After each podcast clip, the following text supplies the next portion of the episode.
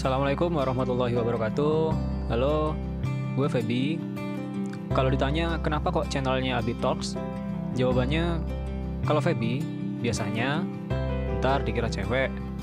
Sama nama akun-akun sosmed gue kebanyakan Abi Feby. Jadi ya udah gitu aja.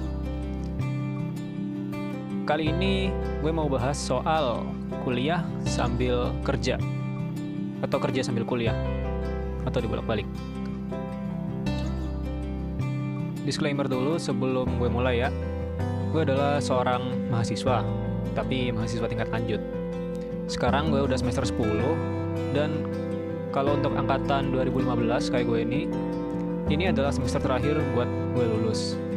Jadi kalau nggak lulus ya di DO. Nah, kenapa gue pengen bahas soal kuliah sambil kerja ini? Alasannya ada dua. Pertama, karena banyak yang bilang, termasuk dosen dan teman-teman gue sendiri, kalau kuliah itu mending sambil kerja. Biar kenapa? Biar bisa bayar biaya sendiri.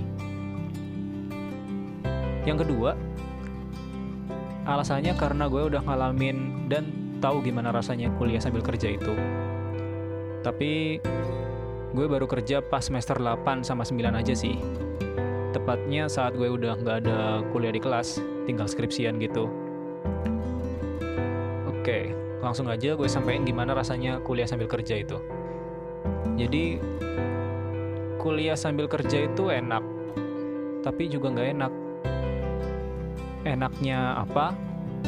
Enak soalnya udah bisa punya penghasilan sendiri dan gue bisa jajan tanpa perlu minta ke keluarga lagi Bahkan gue bisa bayar UKT kuliah gue dan bisa ngirim sebagian uang itu buat orang tua. Siapa yang gak seneng kalau bisa gitu coba? Kalau sebagai anak yang pengen banggain orang tua sih, gue seneng banget. Gila kan? Bisa cuma minta duit, kali ini lu bisa ngasih ke mereka. Nah lanjut, enaknya lagi tuh lu bisa punya pengalaman yang lebih dari kebanyakan orang lain.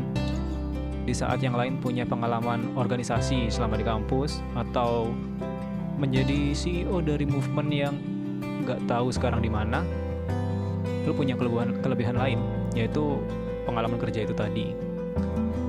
Terus juga kalau kerja lu sejalan dengan kuliah lu, itu juga bisa jadi bentuk buat ningkatin pemahaman lu tentang ilmu itu tentang ilmu yang lo dapat selama kuliah.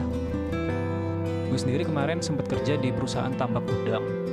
Dan, oh iya, gue adalah seorang mahasiswa dari manajemen sumber daya perairan dan kalau lulus tuh jadi sarjana perikanan. Nah, di situ gue memahami ilmu-ilmu yang gue dapat semasa kuliah langsung bisa diterapin di lapang. Dan di situ gue sadar juga kalau ilmu selama kuliah itu bisa jadi jauh dengan keadaan sebenarnya kalau di lapang. Jadi buat kalian yang IP-nya tinggi, jangan sombong. Dan buat kalian yang mungkin IP-nya rendah dan mungkin juga merasa bodoh, jangan minder. Semuanya bisa berubah nanti. Nah lanjut. Tadi kan enak-enaknya semua tuh. Sekarang kita lihat nggak enaknya apa. Nggak enaknya waktu main lo jadi kurang. Dan kekurangan ini juga bisa bikin lu lebih capek. Jujur gue capek. Dari agak capek sampai ke capek banget dan akhirnya nggak kuat lagi. Ntar gue ceritain gimana gak kuatnya itu. Nah, waktu yang makin terkuras ini maksa lu buat bisa jadi orang yang bisa nge-spare waktunya dengan lebih bijak. Kalau enggak, pasti ada yang bakal jadi korban entah itu kegiatan lo atau orang-orang di sekitar lo ntar. Yang kedua, nggak enaknya itu amanah uta amanah utama lo, kuliah lo bisa terganggu. Ini salah satu hal yang paling bikin gue nggak kuat dan akhirnya memutuskan buat gak lanjut.